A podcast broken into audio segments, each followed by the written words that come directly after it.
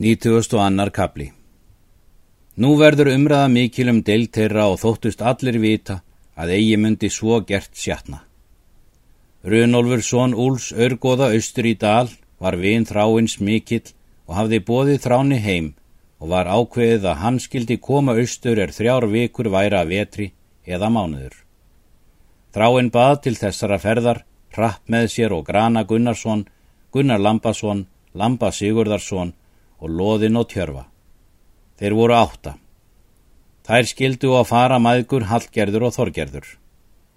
Því lístu á þráin að hann ætlaði að vera í mörg með kalli bróður sínum og hvað á hversu margar nætur hann ætlaði heiman að vera.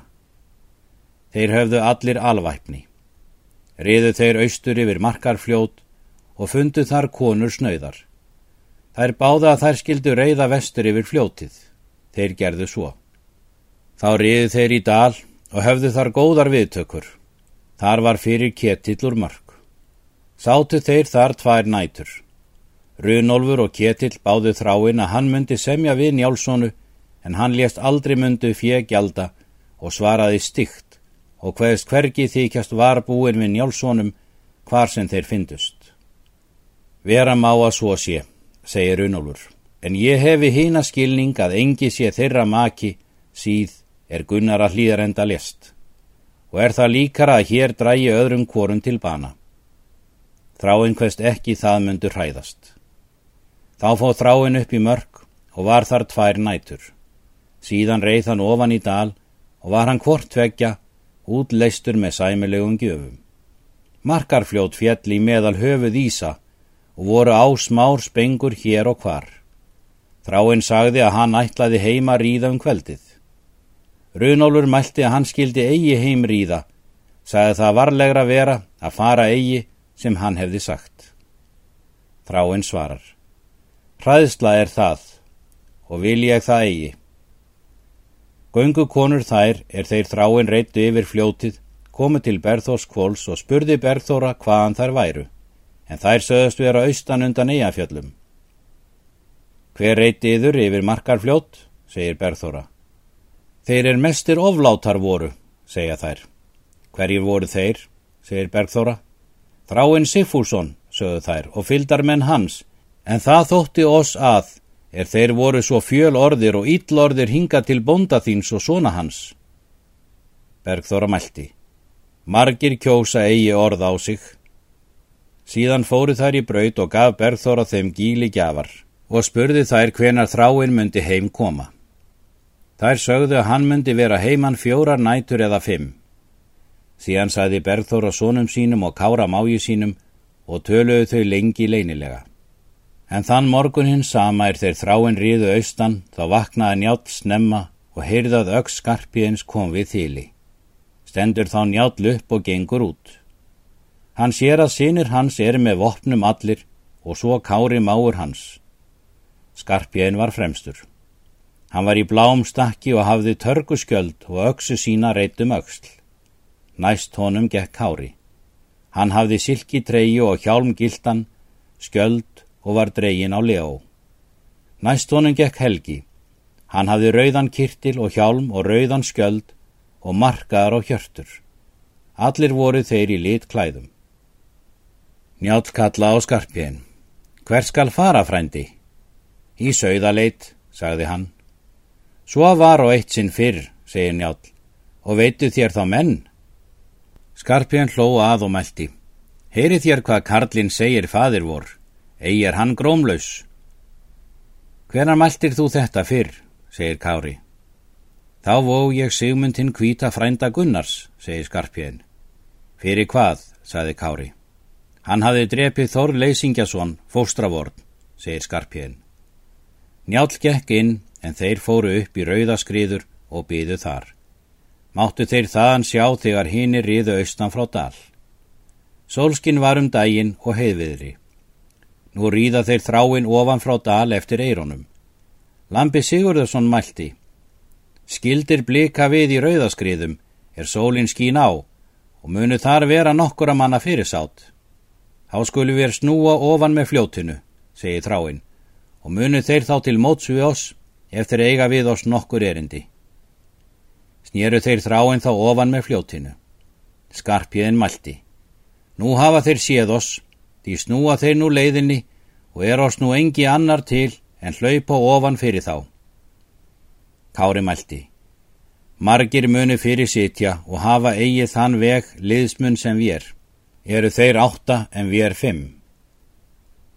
Snúa þeir nú og ofan með fljótinu og sjá yfir spöng niðri og ætla þar yfir. Þeir þrái námu staðar upp frá spönginni á ísinum. Þráin mælti. Hvað munum menn þessir vilja? Þeir eru fimm en við erum átta. Lambi Sigurðarsson mælti. Þess get ég að þó myndu þeir til hætta þó að manni stæði fleira fyrir. Þráin fer af kápunni og tekur af sér hjálminn. Það var skarpjeni, er þeir hljópu ofan með fljótinu, að stökki sundur skóþvengur hans og dvaldist honum eftir. Hví kvikast þér svo skarpjegin? Hvað grímur? Bind ég skóminn, segir skarpjegin. Förum við er fyrir, segir Kári. Svo líst mér á skarpjegin sem hann mun ekki setni verðin við. Snúa þeir nú ofan til spángarinnar og fara mikinn. Skarpjegin spratt upp þegar er hann hafði bundið skóin og hafði upp öksina rimmugíi. Hann leipur að fram að fljótinu en fljótið var svo djúft að langt varum ófært. Mikið svell var hlaupið upp fyrir austan fljótið og svo hálft sem glér og stóðu þeir þráin á miðjusvellinu. Skarpjén hefur sig á loft og hleypur yfir fljótið meðal höfuð ísa og stöðvar sig ekki og rennir þegar af fram fótskriðu. Svelli var hálft mjög og fór hann svo hart sem fuggl flýi. Þráin ætlaði í því að setja á sig hjálmin, Skarpjén bar nú upp að fyrr og höggur til þráins með öksinni rimmugíi og kom í höfuðið og klauf ofan í jakslana, svo að þeir fjallu niður á ísin. Þessi atbörður var með svo skjótri svipan að engi kom höggi á hann. Hann rendi þegar frá ofan ófluga. Tjörfi rendi fyrir hann törgu og steðjaði hann yfir upp og stóðst þó og rennir á enda svelsins. Þá koma þeir kári að neðan í mót honum. Karlmannlega er að farið, segir Kári. Eftir er enn yðvar hluti, segir Skarpjén. Snúa þeir þá upp að þeim. Þeir grímur og helgi sjá hvað rappur var og snýru þegar að honum. Rappur höggur þegar til gríms með öksinni. Helgi sér þetta og höggur á höndina rappi svo að aftók en niður fjöll öksin. Rappur mælti. Hér hefur þú mikið nöðsynja verkunnið því að þessi hönd hefur mörgu manni megin gert og bana. Hér skal nú endir áverða, segir Grímur og leggur spjóti í gegnum hann. Rappur fjall á dauður niður. Tjörfi snýri móti Kára og skýtur að honum spjóti. Kári hljópi loft upp og flög spjóti fyrir neðan fætur honum. Kári hleypur að honum og höggur til hans með sverðinu og kom á brjóstið og gekk þegar á hól og hafði hann þegar bana. Skarpjén grýpur þá báða, senn, Gunnar Lambasson og Grana Gunnarsson og mælti. Tekið hef ég hér kvolpa tvo, eða hvað skal við þá gera? Kost átt þú, segir Helgi, að drepa hvort tveggja ef þú vilt þá feiga. Ekki nenni ég, segir Skarpjén, að hafa það saman að veita högna en drepa bróður hans.